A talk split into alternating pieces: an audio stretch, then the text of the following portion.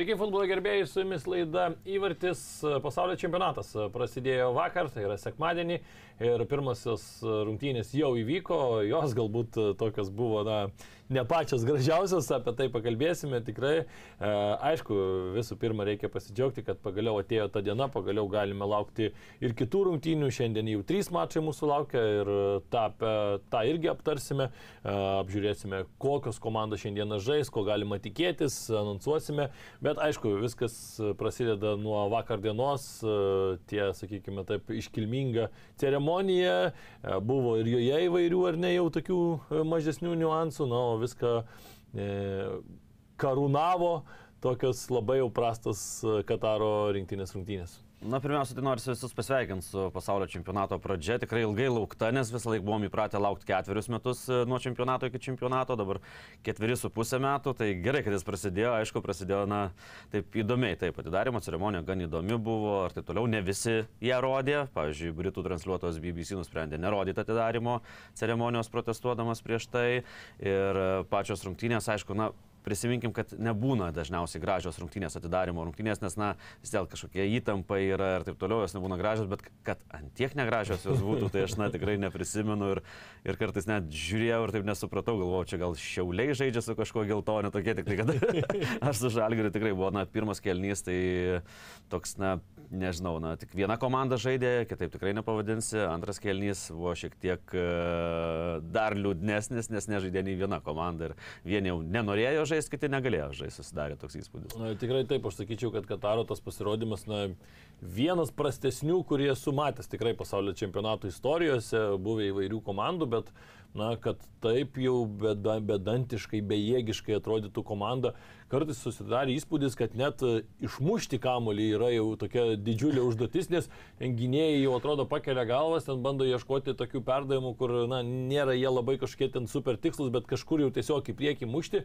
ir vis tiek tai, tai vieną, tai kitą Ekvadoro žaidėją pataiko, tai užrybį kažkur muša ir tikrai na, kartais susidarė įspūdis, kad Mm, čia išėjo kažkokia tai gatvės komanda, atrodo, surinko vakar žaidėjus ir sako, va, jūs čia eikit ir žaiskit pasaulio čempionate. Aišku, Ekvadoras, na, savo darbą iš esmės padarė, pirmame kelnyje e, tikrai visiškai dominavo, dar tų įvarčių galėjo ir daugiau įmušti, dar prieisime prie to, kad vieną ir įmušė, bet jis buvo atšauktas irgi ten dėl neiškių, turbūt, kad tikslų ten paskui ten ieškojo. Iki, šio, tos... iki, iki šiol dar vis diskusijos netyla ir jisai buvo teisingai neįskaitytas, na, varo pasinaudojo, atitvaras jau viską lemia, viską tiksliai apmatuoja, bet ten taip, niuansų tas šiokių tokių yra. Ir, Ir tas, bet vis tiek, kad ir neįskaitytas įvartis, jis labai kirto per pasitikėjimą Kataro futbolininkams, nes, na, jau po to praleisto, bet neįskaityto įvarčio matosi, nes vis dėlto Azijos komandos, tiek ir pačiam, na, žurnalistų turnyruose nemažai žais su Egipto komanda, su Irano komandom, na, tai kartais jie žurnalistai arba ten veteranai buvo atspindi ir kas vyksta nacionalinėse rinktinėse. Tai, tai jie emociški. Jie kaip povai vaikšto tol, kol viskas gerai sekasi. Tai galvos iškeltos, tada jie savimi pasitikintys ir taip toliau.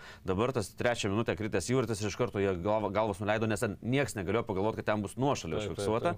Ir tikrai tas, tas momentas buvo jiems labai kirto per pasitikėjimą ir, na, ir po to buvo tragiškas žaidimas, nes net tokie niuansai, kai na, teisėjas liepia pasitraukti kelis metrus, įmetant kamuolį iš užžybio, tu visą laiką ginčijasi su teisėju ir nori vis tiek paėti ant tuos tris metrus.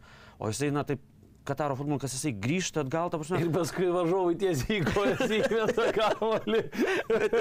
grįžta atgal, jis net atrodo, kad tą laiką tempės, atrodo, kad bijo žaisti, net, bijo, kad būtų kamuolys žaidime. Taip, ir kaip tu sakai, ten varžovom į kojas atidavinėjo, tai na, kaip draugiškai priėmė vienu žodžiu Ekvadorą. Taip, taip atrodė, tokių situacijų buvo, kad atiduoda perdavimą ir tiesiog slepiasi kai kurie žaidėjai, kad nenori gauti atgal kamulio.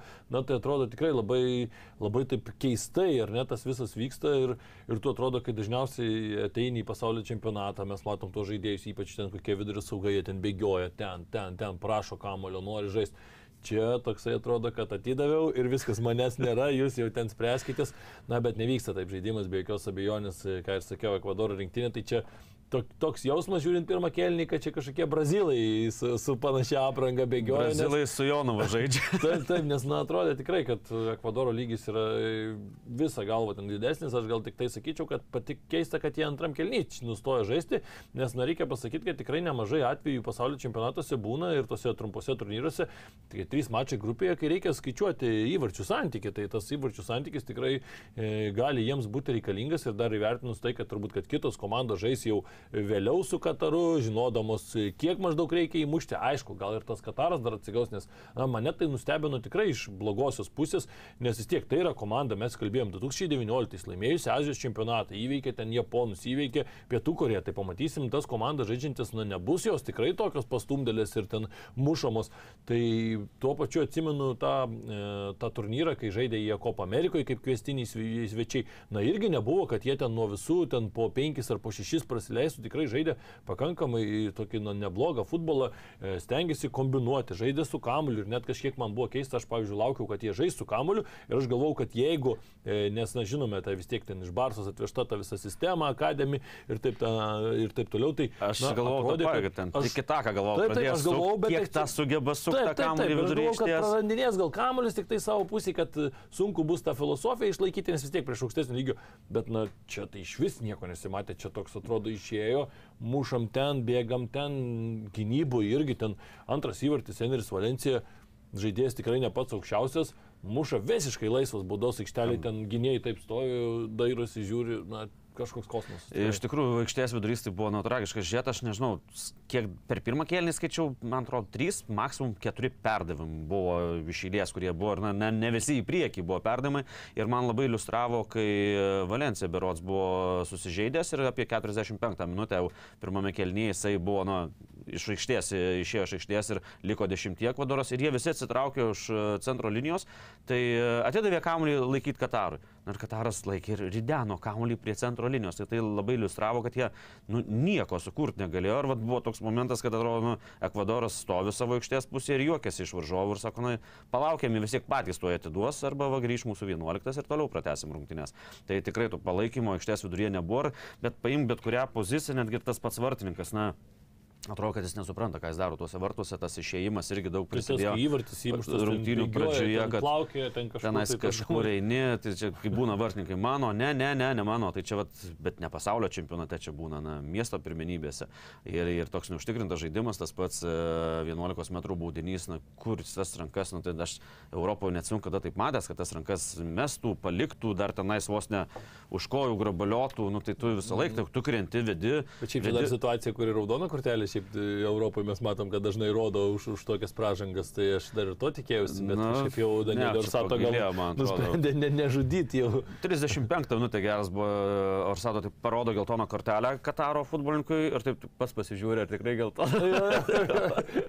aš irgi tą užfiksavau. bet vartininkui taip, tas nuvedė tu į šoną ir trauktas rankas, jau ten įmuš, neįmuš, kirst per kojas, nežinau, ten ką jis galvoja. Ir ta prasme matosi, kad na, viskas pas juos taip ir buvo, kad na, ateinam, žaidžiam, taip, treneris pasakė, kad na, vis tiek šeimininkai net laikė tos psichologinės įtampos ir spaudimo. Žinom, kad 12 metų jį ruošėsi tam pasaulio čempionatui, dauguma užaugo per tuos metus, kai žinau, kad Katare vyks pasaulio čempionatas ir aš suprantu, kad tas spaudimas didžiulis buvo, bet taip išeiti ir nu, nemokėti atrodo žaisti, na, tikrai, tikrai nustebino blogąją prasme Kataras, kuris yra Azijos čempionas, vis dėlto vienos iš konfederacijų nugalėtos kaip stipriausia komanda.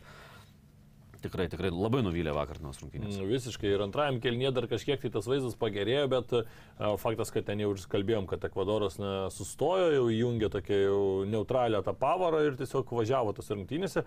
Ar aš labai sutikčiau su tavimi, kad Ekvadoras padarė didelę klaidą dėl to įvažių santykio. Tegul dabar jie žais dar ir su Senegalo komanda, ne? Taip, taip, pačiu, tai Senegalas, Senegalo paklausė. Taip kaip susiklostė praėjęs pasaulio čempionatas, taip, taip, kai su Japonija Senegalas turėjo absoliučiai vienodus rodiklius, pergalės lygiosios, pralaimėjimai, įvarčių Taip. santykis, tarpusavio lygiosios.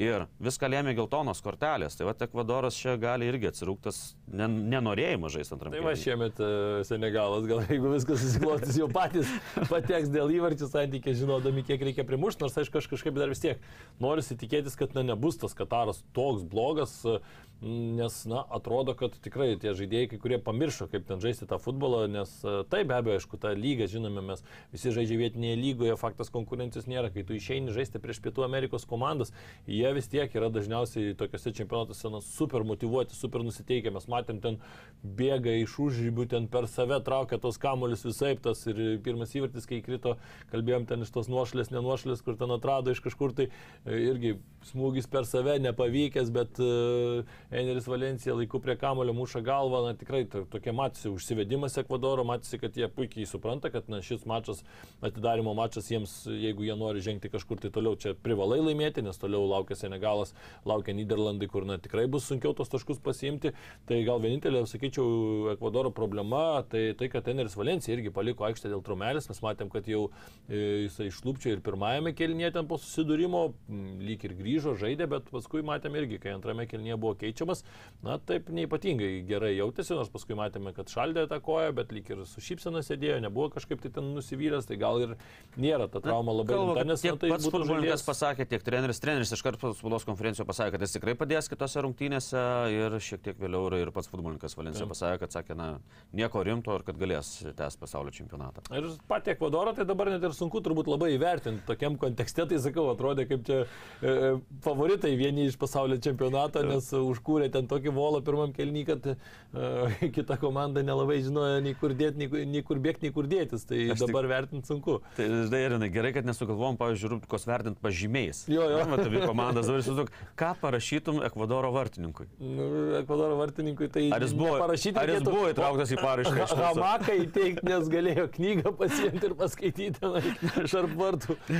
Aš kiek suskaičiavau, tai du kart koją įvedė į žaidimą. Jo, vieną ir 80 tai aukštą perdavimą pagavo, jo. viskas. Na, turėjo, taip, Kataras turėjo vieną progą ten jau rungtynių pabaigoje, kai tikrai puikus tolimas perdavimas, tikslus buvo, ir, na, Ekvadoro gynėjai prašoko ir toks geras tolimas smūgis, bet virš vartų, na, vartininkas susėmė poziciją. Tai vienintelė, vienintelis momentas, realiai pagal kurį turėtum rašyti pažymį Ekvadoro vardą. Jo, viskas. Kurioje vietoje stovėjo, ar galėjo atremti, jeigu būtų pataikęs. Na, tas smūgis tikrai jo neblogas buvo ir dar galėjo galbūt net vis tiek 85 ar 6 minutę įmušti tokį įvartį, dar gal ir atsigautų, nors įdomu tai, kad jau tuo metu tribūnos buvo taip jau pakankamai aptuštėjusios, ten stadiono tuštėjimas jau ten kokia, jau, jau netgi po to skaičiau, kad žurnalistai, kurie yra vietoje, rašė, kad jau ir pertraukos metu kai kurie e, vietiniai ir gali nusivylę, matyt, buvo tuo pirmoju kėliniu pradėjo eiti iš stadionų, na labai keista matyti, esant 0-1 rezultatui, tai ok, bet gal, na, gal, žaidimas, gal mes kažko nežinom, gal tam, pavyzdžiui, jeigu nepatenkintas žaidimu, tai gražina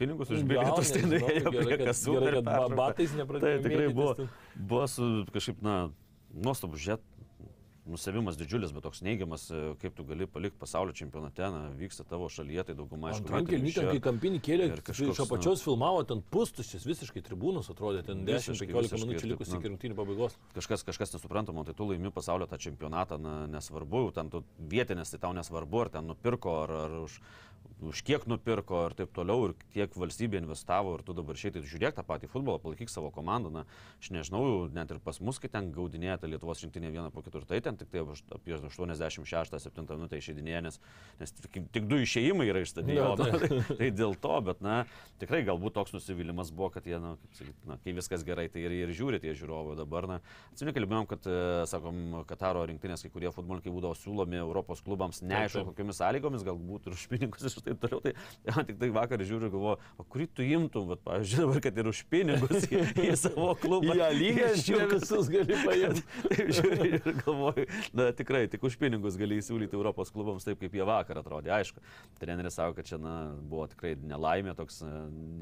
Didelis spaudimas padarė savo, savo, kad tikrai pamatys e, žiūrovai Kataro kitą veidą, bet, bet kažkaip sunku, kol kas tai sunku įsivaizduoti, kaip jis tas veidas per kelias dienas gali pasikeisti ir man atrodo, kad čia Kataras na, daugiau pūtėsi ir, ir tas Azijos čempionatas, nežinau, aš jo labai nestebėjau, bet nežinau, kaip buvo laimėtas. Neaišku, nes vis dėlto pinigai daro savo ir jie 2015 metais ką su rankiniu padarė, kur Kataro rinktinė ten žaidė ir Šaričiai, ir Mamičiai ir taip toliau, visi tikri katariečiai, laimėjo sidabro medalius pasaulio čempionate.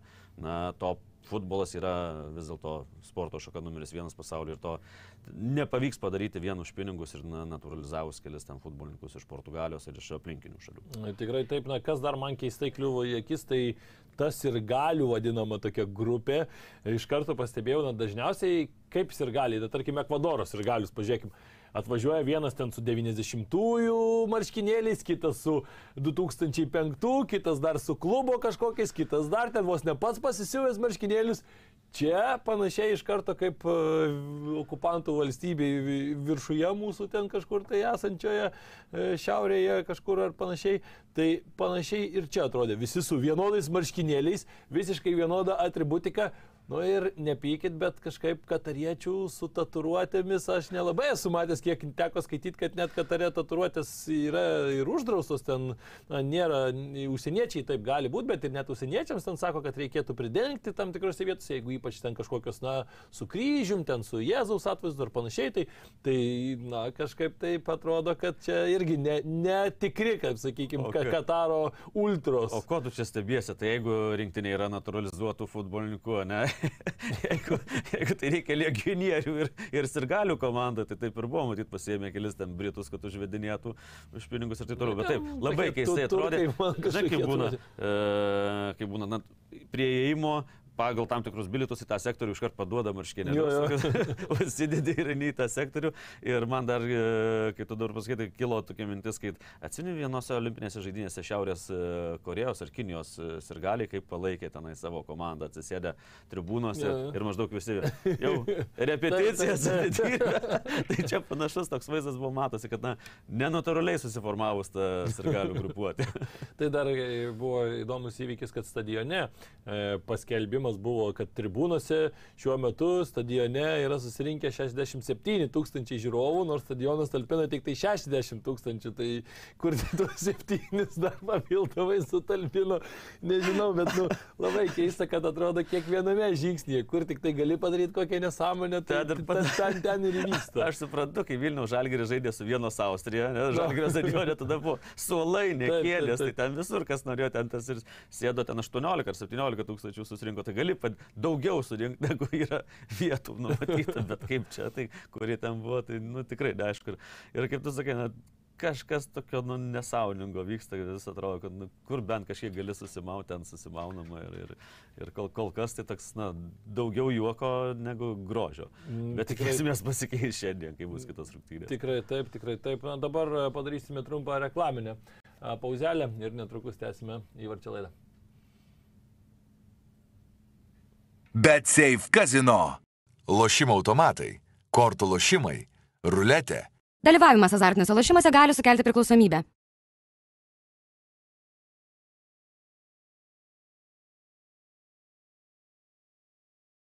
Laukiamiausias metų išpardavimas Black Friday jau topo centre. Samsung Galaxy Watch 4 laikrodžiai tik nuo 129 eurų. Galaxy Flip 3 telefonas tik 649 eurai. O Galaxy S22 telefonas tik 759 eurai.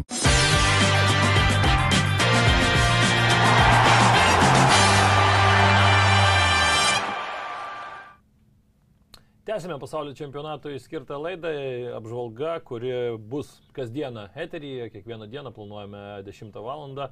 būtent jungtis gyvai tiesiogiai, tai tikrai turite progą ir užduoti klausimą, dar turite progą sudalyvauti ir aistruoliams skirtoje pasaulio čempionato spėlionėje, ją organizuoja Vilnių Žalgeris ir čia yra galimybė laimėti nuostabų prizą, net 10 tūkstančių eurų. Norint dalyvauti spėlionėje, viskas labai paprasta, reikia tiesiog apsilankyti Žalgerio oficialioje svetainėje, ten surasite 2022 metų pasaulio čempionatui skirtą spėlionę ir reikia atspėti 8, 8 pirmasias vietas užimusios komandas, tai yra komandos, kurios dalyvaus ketvirtfinalyje. Na, nėra labai sunki ir nėra labai lengva užduotis. Gali, aišku, visko nutikti, bet e, pabandykit, e, pabandysim ir mes su tautvidu paspėlioti. Na, o dabar keliaukime, aišku, į tai, kas vyksta Katare. Kaip ir sakėm, stebėsime ne tik, kas vyksta stadionuose, bet ir kas aplink. Aplink stadionus anglai po truputį jau reikalauja laus.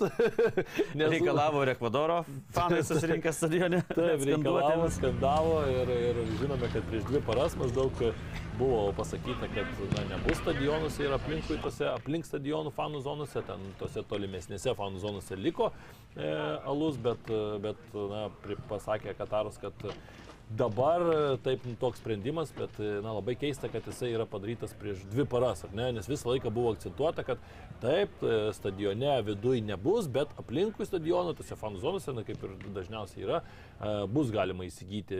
Dvi paros lieka iki, iki čempionato, matom visai kitokios kalbos, visai kitokie sprendimai ir eilinį kartą na, tokie pažadų nesilaikymai atrodo. Bet aš galvoju, kad visa tai vyksta ne be FIFA pritarimo, sutarimo, na, ar gal net ir iš ankstinio susitarimo. Taip, e, suma yra didžiulė, apie 65 milijonus e, dolerių kalbama, yra tokia rėmimo suma, bet aišku, reikia žinoti, su kuo pasirašy kontraktą. Pavyzdžiui, su Kalsbergu būtų pasirašę FIFA kontraktą, būtų ten šeikai ar vyras paragavę.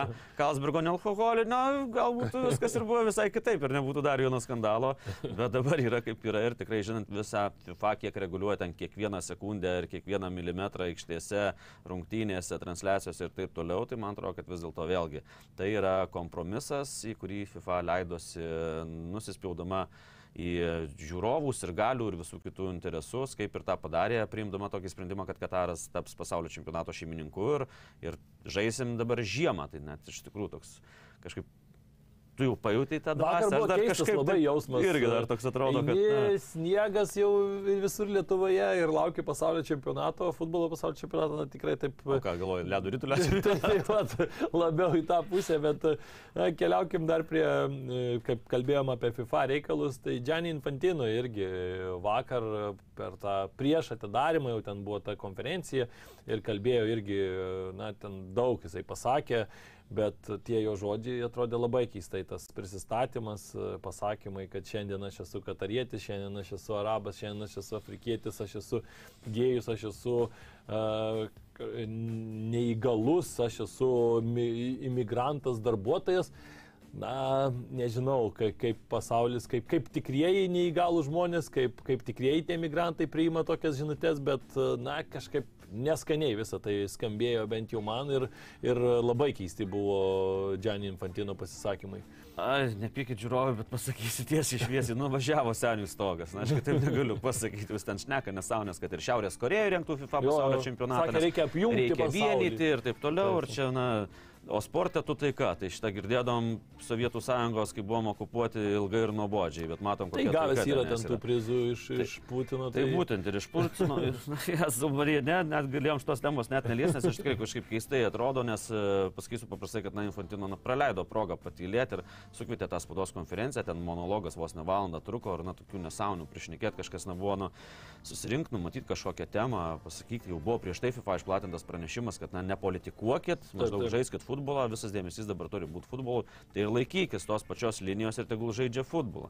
Na dabar kažkokius nesąmonų prišnekėjo, nežinau, žinoma, net, net keista keista klausyti ir, ir, ir, ir tikrai žinom, kokia korumpuota yra FIFA ir, ir, ir niekam nepaslaptis, man atrodo, kad e, tada 2010 metais, kaip laimėjo ta pati Rusija ir kaip laimėjo tas pats Kataras e, teisę surinkti pasaulio čempionatą.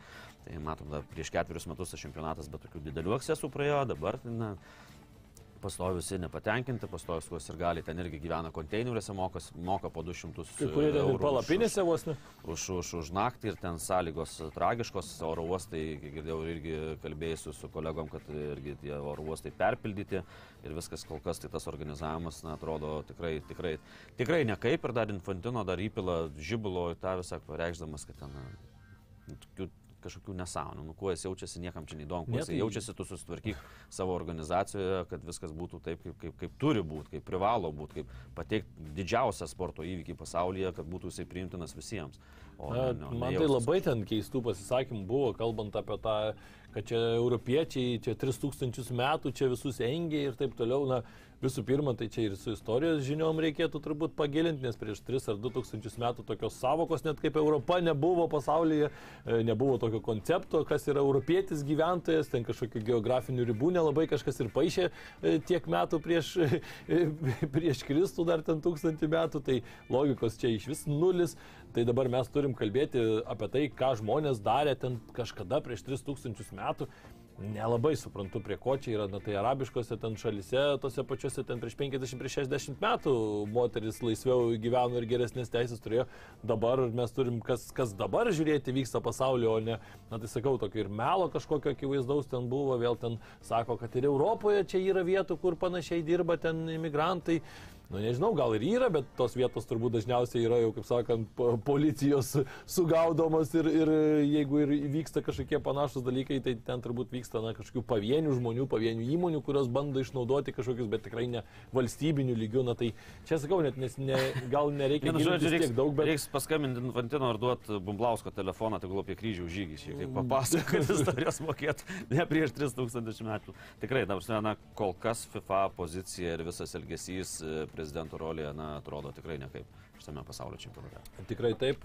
užsiminiai čia jau ir teko kalbėti su kolega, beje, e, Vytas Jasutis, e, kolega mūsų lankėsi dabar kaip tik Dohoje ir e, yra buvęs ten ne kartą, sakė, bet na, tiesiog ten yra geras perskridimas, kaip pavyzdžiui, Dubajų daug kas skrenda ir paskui į Aziją, tai panašiai irgi Doha yra didelis oro uostas ir, ir sakė, kad na, pirmą kartą matė tokį bardaką, liaudiškai tariant, tikrai, sakė, kad e, iš e, lėktuvo į tą atsisėdo į autobusą, tai su autobusu važiavo iki beveik virš valandos, net sakė, važiavo tiesiog, nes tokios eilės, tiek daug ten tų žmonių suvažiavę, niekas nespėja nieko. E, žmonių į pačią Dohą, sakė, net nebeišleidžia, visus liepia oro uostai, o į Dohą tik tai gali išeiti su FIFA jau tam tikru ten skirtu tuo fanų ID. Ta ID gauti ten, sakė, irgi neįmanoma, ten tos sistemos lūšta, ten kažkokias nuotraukas iš kažkokio kampo būtinai turi nu, nufotografuoti, nufotografuoji, tada sako, tu ne, ne iš karto patvirtina, kad atseit, va, oi geras kampas, o tu nufotografuoji, nusinti, tau po valandos parašo, ne, ne tokiu kampu. Tada vėl spėlio, kokiu kampu ten to selfie turi būti. Nu, sakė, nesąmonė, nesąmonė, ten kažkur tai sako, kai- aplaudinį nuotrauką, rašo 2, 2 gigabaitai viršita. Sako Vytas, kokie 2 gigabaitai, tai čia sako, aš ne savo video namudinį, sako, siunčiu kažkokį. O sako, taigi nuotrauka tik tai iš telefono, iš kur gali būti 2 gigabaitai, sako, ten tada mažini kažkur iš Facebook'o kopijuoji. Nu, nesąmonė, nesąmonė, sakė, ir, ir baisu. Ir tame oro uoste, sakė, kuris yra pakankamai prabangus, viskas gerai. Žmonės, sakė, miega visur, kur tik tai papuola, nes jų tiesiog toks kiekis neįmanoma. Maistą gauti, sako, irgi ten stovi, kas ten turi 7-8 valandų tuos layoverius, kad persėsti į kitą lėktuvą, na, pasibaisėję, ten, jeigu sako, su vaikais žmonės, tai iš vis, na, visiškai. O dar, baisybės. dabar, dabar dar tik tai skridinėja vat, Pietų Amerikos, na, kaip. Ekvadoro, kas žaidžia, o kai europiečiai pradės masiškai skristi visi, nes, na, dažniausiai tu kada skrendi, kai tavo komanda pradeda žaisti, tai kas dar tada darysis, nes realiai bilietų parduota, na, planuoju apie 3 milijonus bilietų. Na, kainos, aišku, tokios irgi nuo 70 iki 220 dolerių grupės etapo sustikimus ir nuo 600 iki 1600 dolerių atkrintamasias, tai sakom, kad, na, daugiausia bus per visą istoriją surinkta už bilietus e, pasaulio čempionate. Na ir bilietų, aišku, įsigijo daugiausia Kataro, bet, vat, ką kalbam, kas atvykinė, tai amerikiečiai, Saudo Arabija, Anglija, Meksika, Argentina, Prancūzija, Brazilija ir Vokietija. Tai vat, iš šių e, šalių Australija daugiausiai įsigijo bilietų ir planuojam, kad bus apie milijonas. Milijonas du šimtai tūkstančių būtent atvykstančių, vat, e, tai kaip tas e, aptarnaus e, oro uostas ir tos fanų įdy kaip gaus, tai aš tik prisimenu, galvojau, kad jau nebėra tokių dalykų kitose šalyse, kai į Ruskio ambasadą eidavai į turnyrą, darydavai vizas važiuoti, tai vis, nie iki šiol neatsinu, ar matinė, ar ten dar kažkokia ten ta nuotrauka būdavo. tai ateidavai, ateidavai į fotoatelį ir sakydavai, Rusų ambasadai. Ai, tai aišku, padarysiu. Žinodavo Tai specialiai? Katarė tai irgi, na, ne- nesąmonės šiais laikais vyksta. Na, keliaukim į šios dienos mačius. Uh, trys mačai - Anglija, Iranas atidarys viską, toliau Senegalas, Niderlandai ir e, vakaro puošmena Velsas, Junktinės Amerikos valstijos. Turbūt galima pasakyti, kad e, paskutiniai ypač du mačai, na, tiek Senegalas su Niderlandais, tiek ir Velsas su Junktinėmis Amerikos valstijomis labai svarbus bus, nes na, tokios tiesioginės kovos e, vyks. E, Anglija pradės e, su Iranu.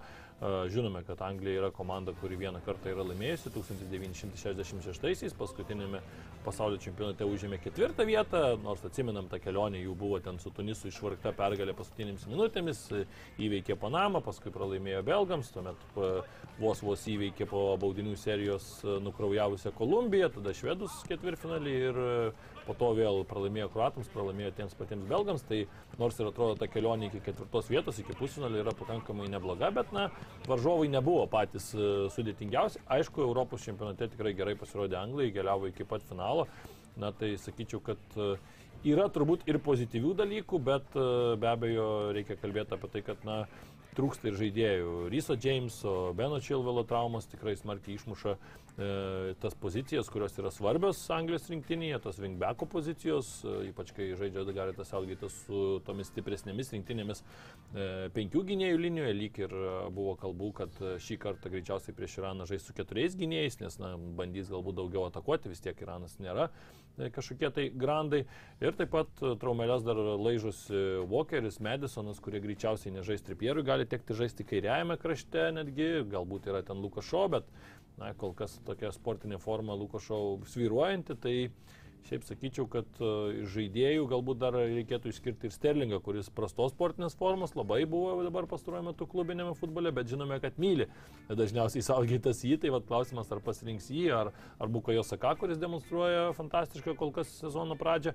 Na ir turbūt, kad Filas Faudinas jau atrodo toksai pribrendęs žaidėjas, kuris gali tapti vienu iš e, rinktinės lyderių. Toks šviesulys Anglijos rinktinė, Taip. tikrai iš tų jaunų, nes e, tikrai pastaruoju metu tragiškai žaidžia Anglijos rinktinė, tautų lygoje net nelaimėjo nei vienų iš šešerių rungtynių ir du kartus. Iškrito į B divizioną, taip. Du kart pralaimėjo vengrams, na ir tik paskutinės rungtynės kažkoks šviesulys, tai yra 3-3 su Vokietija, bet, bet kai tu viską pralaimi ir tik tai paskutinės rungtynės lygiosios, tai tikrai nekokios nuotaikos tu ateini į pasaulio čempionatą ir dar kai tiek žaidėjų yra iškrita, tai tikrai, na, nežinau, iš Anglijos net ko tikėtis.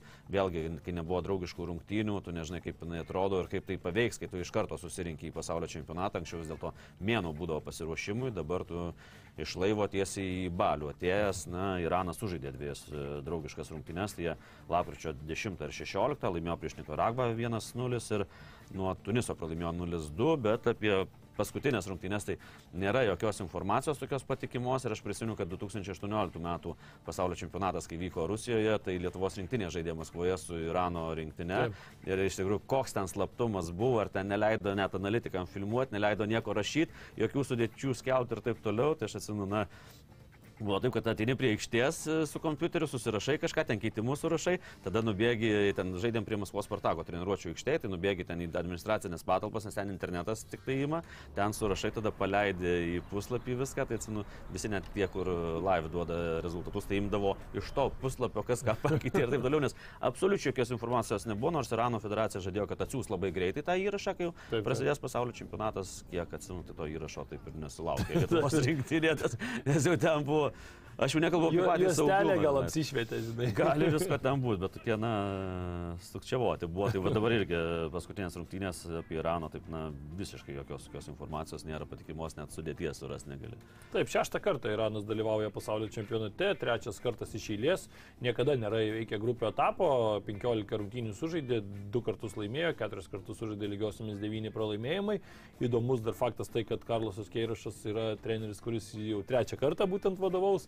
Šiai komandai, vadovavo jisai nuo 2011 iki 2019, tuomet buvo ir Kolumbijos rinktinės trenerių, ir Egipto, Egiptui nelabai susiklostė, nors, na, atrodo, tie rezultatai nebuvo prasti, Afrikos čempionate nukeliauta į finalą, pralaimėta baudinių serijoje, tuomet atrankinėse irgi baudinių serijoje tik tai pralaimėta Senegalui du kartus, na tai atrodo jau treneris priveda ten jau baudinių serijoje kažko labai nenuveiksi, bet visgi e, buvo nutrauktas tas kontraktas, net nežinau ten ar labiau jo paties iniciatyva ar Egipto, bet neliko jisai Egipte. Na ir nuo rugsėjo 7 vėl sugrįžo į Iraną. E, Šį kartą ne jis išvedė šią komandą kaip ir į, į finalinį etapą, bet jis jai vadovaus. Devyni žaidėjai žaidžia vietinėme čempionate ir įdomu, kad Iranas kartu su belgais turi vyriausią sudėtį. Iš e, net 15 žaidėjų e, komandoje yra 29 arba vyresni ir tik tai 3 žaidėjai nėra sužaidę, yra sužaidę mažiau nei 10 rungtynių, du iš jų yra antras ir trečias vartininkai, kurie žinom, kad na, dažniausiai nežaidžia labai dažnai ir gauna savo šansus retai. Tarp lyderių turbūt reikėtų išskirti Sardarą Azmūną, kuris rungtyniauja Leverkusino Bairį. Bet jis nežais dėl traumos. Taip, nežais bent, bent jau pirmų rungtynių taip. Ir Megdita Remi taip pat Porto tikrai žinome polėjas, kuris ir čempionų lygoje reguliariai muša įvarčius ir šį sezoną neblogai štampuoja juos ir Portugalijos čempionate. Na tai sakyčiau, kad e, praėjusiame čempionate Iranas visai neblogai sudalyvavo, ten atsimenam pakankamai dramatiškai buvo ta rungtynių pabaiga su Portugalas, išlygino ir dar paskutinį minutėm galėjo nuskausminti Portugalus ir, ir patekti į kitą varžybų etapą, bet Bet sakyčiau, kad na, Iranas turbūt yra vis tiek outsideris šios grupės, nors iš kitos pusės nei Junktinės Amerikos valstijos, nei Velsas turbūt, kad nėra tokios labai jau neįveikiamos komandos. Net ir žinant anglų bėdas, tai pasakysiu, kad tokia gal to lygiausia grupė, kad, na, nežinai kaip čia Kažkas gali būti, nes iš tų pačių anglų gali atimti, na, tikrai vos ne visi gali atimti taškus. Čia, aišku, futbolas čia nenuspėjamas dalykas, bet, bet toks, na, tikrai ne, nesiryščiau sakyti, kuri komanda užims antrą vietą. Aišku, anglai favoritai, bet, bet kuri užims antrą vietą, tai negali žinot, negali žinot. Tas pats Iranas turi du Katare žaidžiančius Šalachly klube, Haisafi ir Mohamadi, tai, na, gal kažkiek pridės, bet neaišku, kaip matom, kaip vietiniai žaidė. čempionate. neaišku, čia Galvojau, pasižymėjau kaip pranašumą, bet gali būti ir trūkumas. Taip, Senegalas ir Niderlandai, visi turbūt Senegalą puikiai atsimename iš 2002 metų, kai jie keliavo iki ketvirtfinalio, nuostabi buvo karta, tas pats Alijus Ise buvo tuo metu komandos kapitonas, dabar yra komandos treneris, pamenu puikiai ten Al-Hadžidį, Jufas Alifadijavo, kurie paskui su Liverpooliu pasirašė kontraktus ir na, daugelis iš tikrųjų žaidėjų iš tos kartos tuomet padarė karjeras, na, ten šovė jų akcijos, pirko, graipstė visi tiesiog tą komandą ir na, tikrai buvo labai nuostabi, gražų futbolą žaidė ir pakerėjo, sakyčiau, tuo metu pasaulyje visi buvo Senegalo Ir, fanai. ir ne tik futbolo pakėlė, prisiminkim, kad, na, gerai, ten 86, man atrodo, Rožė Milata šokdavo prie kampinio vėliavėlės garsiai.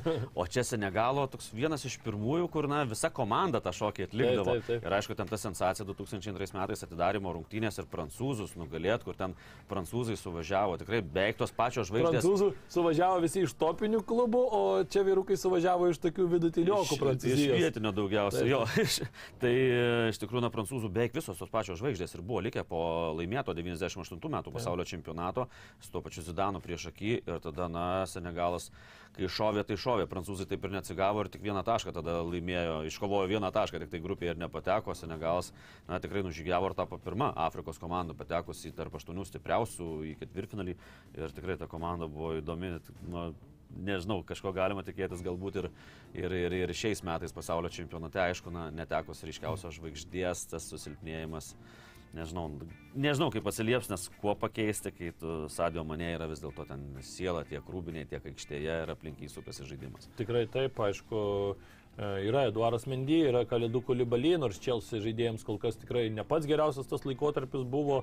E, Mendy buvo ir praradęs vietą startinėje sudėtyje, po to kiek pagavo traumą ir, ir vėl pradėjo žaisti. Kalėdų Kulibaly irgi panašus scenarius Londone kol kas dar nelabai ne nelabai jam taip e, svetingas Londonas atrodo, atvykęs iš Napolį, kur tikrai buvo vienas iš lyderių, o čia aišku yra komandos kapitonas, yra irgi toksai moralinis lyderis ir čia ta lyderystė jo bus labai labai svarbi.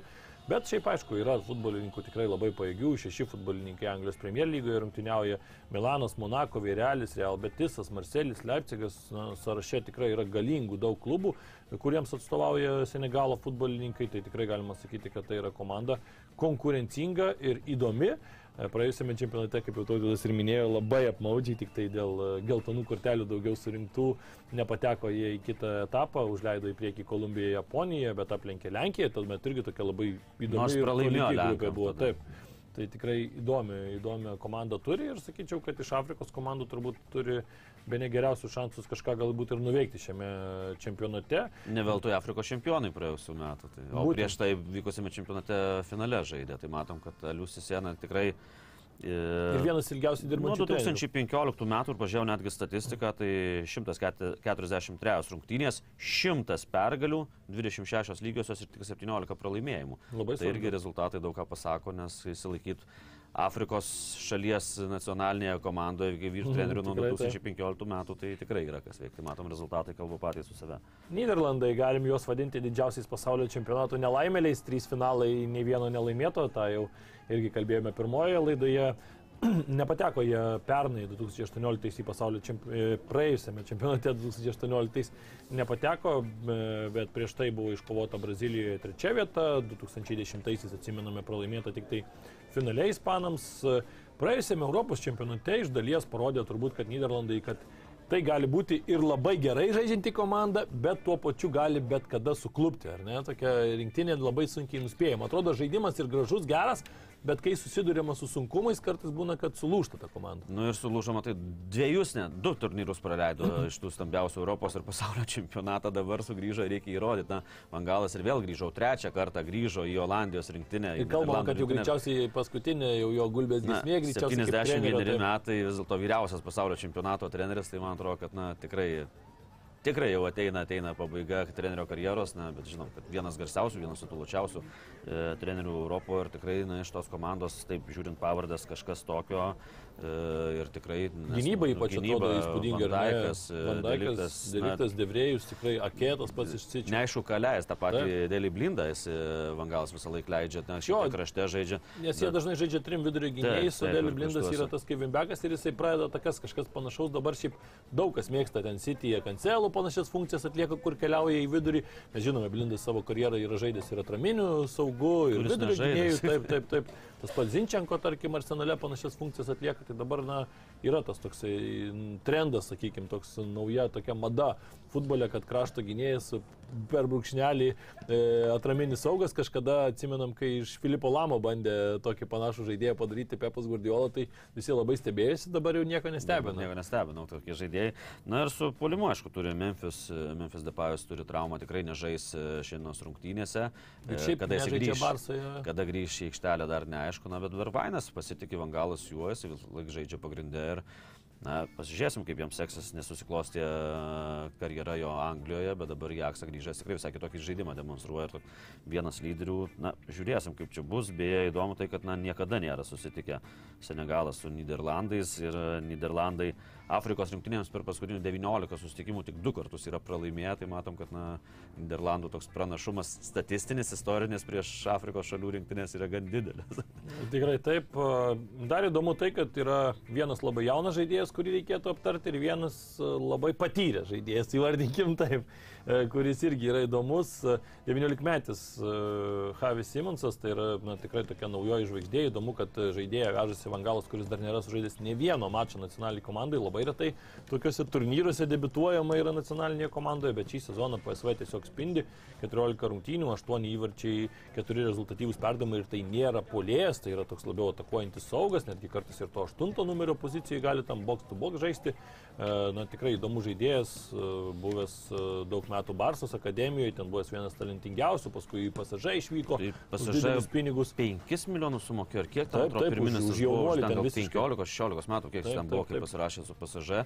Tikrai, nu, jau kiek metų kalbama, kad na, toks įdomiausias, nežinau, ne, anksčiau skaitau vaikas. Na, toks wunderkindas. Dabar jau, dabar jau jaunuolis, na, pasižiūrėsim, tikrai būtų įdomu pamatyti Olandijos rinktinės gretose, kaip jis atrodys pasaulio čempionate. Taip, ir Remka pasvirą reikia turbūt išskirti. 39 metų vartininko istorija yra super įdomi. E, 2021 atvyko jisai į Jaksą kaip trečias vartininkas, tuomet Onana, atsimename, buvo diskvalifikuotas, e, suspenduotas, e, Stekelenburgas gavo traumą ir pasviras taiga tapo pirmuoju numeriu Ajakse. Gerai įsitvirtino na, topinėme geriausiame Niderlandų lygos klube. Eredivizijoje daug kas net sakė, kad na, čia yra geriausias vartininkas šiuo metu šioje lygoje. Ir štai taip rugsėjo pabaigoje šiemet debitavo nacionalinėje komandoje, sužaidė du mačus, juose nei viename iš jų nepraleido nei vieno įvarčio ir važiuoja į pasaulio čempionatą greičiausiai kaip numeris vienas, būdamas 39. Na, istorija Aš kosminė. Nebejoju, kad jisai numeris vienas yra dabar, nes tikrai istorija kosminė ir gražus rungtynės, kai tu 39 metų tu debituoji. 38 buvo, bet 39 sukako 39. lapkričio pradžioje, bet čia pasižiūrė- nekeičia. Taip, statistikos pagrindinis vartininkas 39 metai, rinktinės užžaista. Du mažo.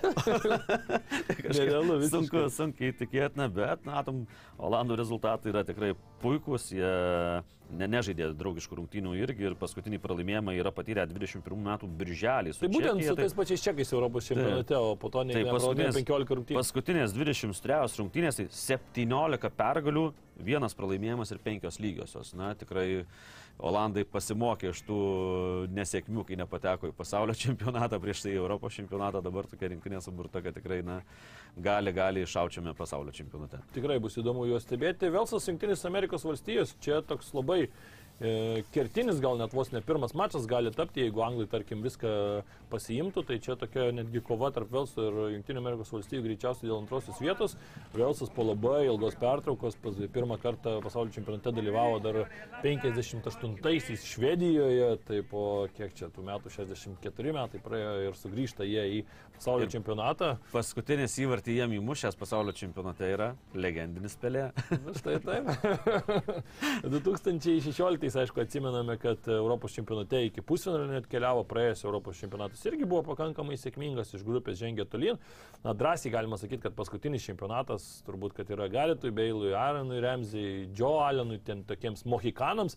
Bet aš sakyčiau, kad net ir daugeliu vėl surinktinis futbolininkų tai gali būti pas, pirmas ir paskutinis čempionatas, na, kad ir bus kitais metais ta, kitą, kitą čempionatą a, tas ištemtas ar ne, prailgintas tas sąrašas iki 48 e, komandų, bet nebūtinai Velsas net ir tarp tų 48 pateks vis tiek. Tai yra tokie, na, vidutiniokai Europos, kurie, sakyčiau, kad savo charakteriu, savo to tokia ambicija, savo kovingumu, jie yra ta komanda, kuri kartais tokiuose čempionatuose iššoka aukščiau bambos, dėl to, kad, na, tą savo tą tokią tvirtybę, valia. Na, ko, ko charakterio netims iš tokių šalių kaip Velsas, kaip Škotija, ką po truputį praranda Anglai.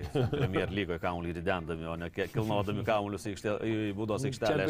Iš čempionšypo reikia daugiau žaidėjų, pasiimti. va, tai Velsas ir iš tikrųjų tos pergalės kartais ir matosi, kad na, meistriškumu neprilyksta varžovams, bet jie tuo užsispyrimu, kova iki paskutinės minutės dėl kiekvieno centimetro, jie ir pasiekia tas pergalės, ar ten reikalingas lygiasias ir taip toliau. Ir, net, ir Gareto Beilo pasisakymas e, prieš pirmas pasaulio čempionato rungtynės atsiminėjo, kad sakė, aš čia esu, aš čia grįžau ir aš čia jaučiuosi geriausiai, nes žinom, kiek skandalų buvo Madrido realiai ir taip toliau, tai sakė, va, Velso rinktinė tai yra, kur aš jaučiuosi geriausiai ir aš turiu čia būti, privalau čia būti. Taip, dar vieną titulą pasiėmė MLS čempionų laimėjo, tai o, viskas atrodo gerai, karjeroje dėliojasi ir be abejo, kad žinome, kad Beilui tai jau bus paskutinis turnyras ir greičiausiai net kalba apskritai apie karjeros pabaigą jisai po šio turnyro. Žiūrėsime, gal dar patiko visai Junktinės Amerikos valstijose, gal pažais. E, Ir būtent prieš Junktinės Amerikos valstijų komandą bus tas pirmasis mačas, komanda, kuri nuo 90-ųjų metų žaidė net šešiuose, septyniuose čempionatuose iš eilės ir praleido tik tai paskutinį. Tai tikrai toks e, pakankamai matome, to, parodantis Junktinių Amerikos valstybių tokį kilimą lygyje ir e, ta komanda, aišku, labai stipriai susikoncentravusi į tą čempionatą, kuris vyks po keturių metų.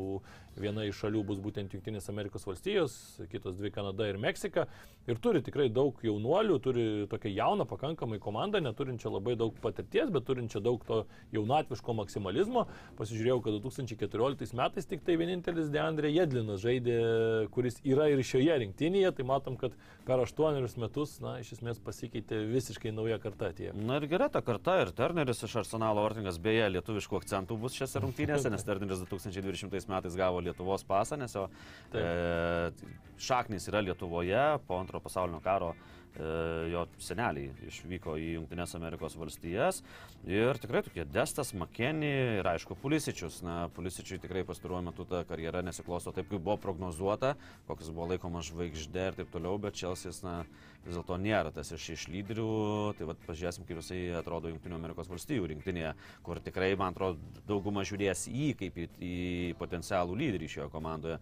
Tai amerikiečiai tikrai daug jaunų futbolininkų, panašiai kaip ir Kanada, kuri po Taip. Ilgos pertraukos pateko, nes kai tu žinai, kad tavo pasaulio čempionatas po keturių metų bus pas tave namuose, tai matom, kaip ir Kataras ruošiasi tą 12 metų, taip ir amerikiečiai tą rinktinę atjaunino po to, kai jie nepateko į pasaulio čempionatą prieš ketverius metus.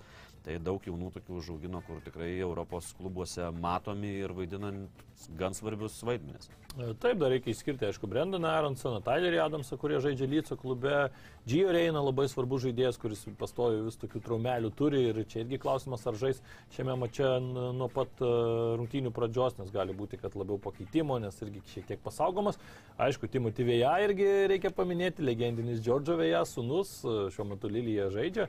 Nėra galbūt startinės sudėties žaidėjas, bet žiūrėsim. Man galbūt daugiausiai klausimų kelia Grego e, Berhalterio, na, to trenerio e, vaidmuo šioje komandoje, treniravęs Švedijos Hammerby klubą, po to MLS -e dirbo Columbus Crew klube, bet na tai nėra topinis treneris ir aš kažkaip tai žiūrėdamas į Junktinių Amerikos valstybių komandą ir tikėdamasis, kad tai yra auganti komanda, žiūrint į tokį tolimą šūvį 26 metus, aš visgi imčiau gal tokį trenerį, kuris galėtų statyti tą komandą su daugiau patirties, su, su tokio na, daugiau matymo galbūt ir to tokio aukščiausio lygio. Vis tiek žinome, amerikiečiai na, tikrai kontraktą turbūt, kad gali paruošti gerą ir treneriui sumokėti pakankamai didelį, didelę sumą, bet Berhalteris, na nežinau, kol kas manęs bent neįtikina, atrodo vos ne gal silpniausias šis ryšys. Žiūrint, kaip trenerio CV, taip, ganėtinai silpnas, nes nuo Hammerbino iš vedančių klubų, taip, MLS dirbęs, bet, na, pats žaidęs jisai Olandijoje, Anglijoje, Vokietijoje ir galbūt, na, mes kažko nežinom, gal ten Rūbiniai labai gerai tvarkosi, na, žinom, ir kitų sporto šakų yra, kaip, na, Kšazevskis treneris, kuris, na,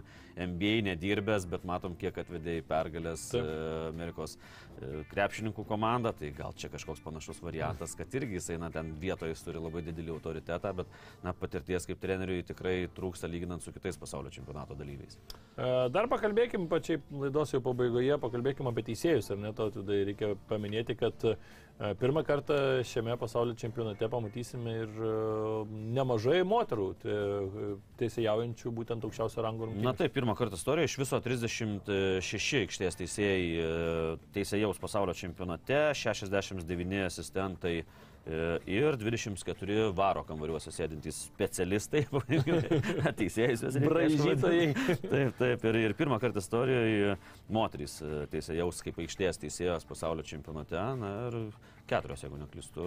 Tai bus tikrai įdomu pažiūrėti, kaip tvarkos ir kartais gal, na, kaip moterys teisėjauja ir vyrai korektiškiau elgesi ir nes mažiau ginčių būna aikštėje ir taip toliau, gal, net, gal ir grubau žaidimo išvengsime, pažiūrėsim, kaip ten bus, bet, na, kartais žiūrint, aišku, ir, ir, ir moterų teisėjama, na, taip sunkiau kartais būna, atrodo, joms susitvarkyti su tais futbolininkais, jeigu kyla ten tokie priekaištai, bet man atrodo, kad na, šiek tiek ir įpareigoja futbolininkus taip korektiškiau elgtis. Taip, taip, taip, ir, ir ten tikrai manau, kad nesuntinės. Vengti šiek tiek iš F uh, raidės žodžių, ar ten, žinom, iš kitų valstybių kitaip pasisakymai yra visokie, bet na, manau, kad bus šiek tiek privengiama. Ko gero, ko gero taip. Na ir aišku, iš Europos yra teisėjai, po du iš Prancūzijos ir Anglijos, tai, nes vis dėlto kalbam, ką norim, bet na, Europos teisėjai, man atrodo, kvalifikuočiausia. Taip, taip. Pietų Amerikos irgi yra du iš Argentinos, du iš Brazilijos, tai irgi tokie, na, daugiau to futbolo matė tokio tarptautinio ir taip toliau. Tai dar kas smagu matyti iš kaiminės Lenkijos teisėjas yra taip pat Rumunija, Olandija, Ispanija, Italija, Vokietija ir Slovenija. Štai tokios šalys atstovauja Europos e, kontinentui pasaulio čempionate. Tai matom, kad na, teisėjai Europos irgi ko gero geriausiai vertami kaip ir Europos rinktinės, kur 13 net yra, o dėl Azijos kvotų tai net kyla klausimų, kaip prisiminė vakarinos rungtynės. Na, čia palauksim, palauksim kitų, kitų komandų, pamatysim, kaip, kaip jos judės ir dar kol kas sunku tikrai pasakyti iš vieno mačo, aišku, Kataras tikrai labai nuvylė. Uh, turbūt, kad uh, iš tų rungtynių jau paminėjai galima paskirti aš uh, savo Bet Save herojaus tokią dienos titulą paskirčiau Eneriui Valencijai, žaidėjas du įvarčius įmušė, tikrai na, veteranas, toks žaidėjas, kuris yra rezultatyviausias visų laikų Ekvadoro futbolininkas, iš kurio ir buvo galima tikėti, su kapitonu Raišiu išėjo į tas rungtynes ir na, parodė, kad yra tikras kapitonas ne tik e, rūbiniai, bet ir aikštėje ir atvedė komandą į pergalę, kuri labai svarbi Ekvadorui. Na ir kaip treneris pasakė, sako, Ekvadorė daug buvo žmonių, kurie, kurie netikėjo juo, bet matom, žinom, ką jis reiškia komandai, taip, taip. ką jis gali duoti komandai ir jis tą parodė. Tai tikrai be jokios abejonės, bet taip gerovus titulas Valencijai. Taip, nes e, kaip ir sakėjai, buvo jau šiek tiek ir nurašytas, nes atrodo ten Turkijoje, Anglijoje ne visai karjera pasisekė ir atrodo jau galbūt ir yra jaunesnių žaidėjų, bet mes matom, tokie pasaulio čempionatas visgi yra vieta, kur ta patirtis dažnai sužaidžia, aišku, žiūrėsim, tikėsimės, kad ir jauni žaidėjai išaus. Na, o pabaigai tradiciškai raudoną kortelę, turėsim jų visą šį čempionatą, manau, kad nemažai. Na, Džianį Infantino, kam daugiau čia turbūt, kad skirsi šį kartą. Aš dar galvojau apie Čiavį, legendinį ispanų futbolininką, kuris dirbo Katare ir jis pasakė, kad Kataras tikrai nustebins, visus čia nustebins, bus nu, nustebino. Kad nustebino, sutinku su tuo, bet kad bus juodas arkliukas, tai nežinau, ne, ant, ant baltų žirgų kitose dviejose rungtynėse atjos, tai gal, gal ir nustebins. Galė, galėtų būti juodas kupranugaris, ne vienas, gal, gal tą turėjau omeny, nes arkliukų nemačiau, mačiau nemažai. Marius Bagdonas, kolega lankosi Katare, rašo, nušviečia visus tos įvykius, tai mačiau, kad buvo nuotrauka įkėlęs, ar ten video labai daug buvo su kupranugariais, ten policininkų turbūt, nežinau, pas juos tokia turbūt raitoji policija, na, įdomu viskas, egzotiška, smagu, bet matom, kad juoduoju arkliukų Kataras tikrai netaps. Nelabai ne, yra, bet vis dėlto, na, pranoko Džanį Infantino, pranoko Čiavio pasisakymus, tai aš irgi sutinku, kad raudona kortelė Džanį Infantino, nes, na, tikrai labai prastos nuomonės po tokių pasisakymų apie jį ir apie visą FIFA. sujudėta tikrai buvo prastai iš Infantino pusės, tikėsim, kad šiandieną aikštėje futbolininkai sujudės gerokai geriau ir džiaugsimės futbolu ir rytoj be abejo susitiksime su jumis pasaulio čempionato apžvalgos laidoje ir aptarsime viską, ką matėme šiandien ir taip pat ką matysime rytoj. Iki. Gero futbolo ir iki.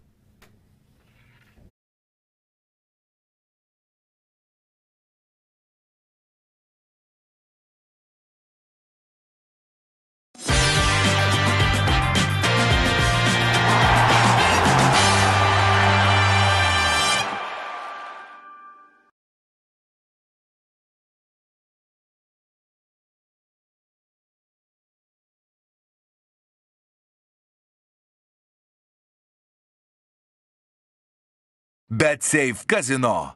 Lošimo automatai, kortų lošimai, ruletė. Dalyvavimas azartiniuose lošimuose gali sukelti priklausomybę.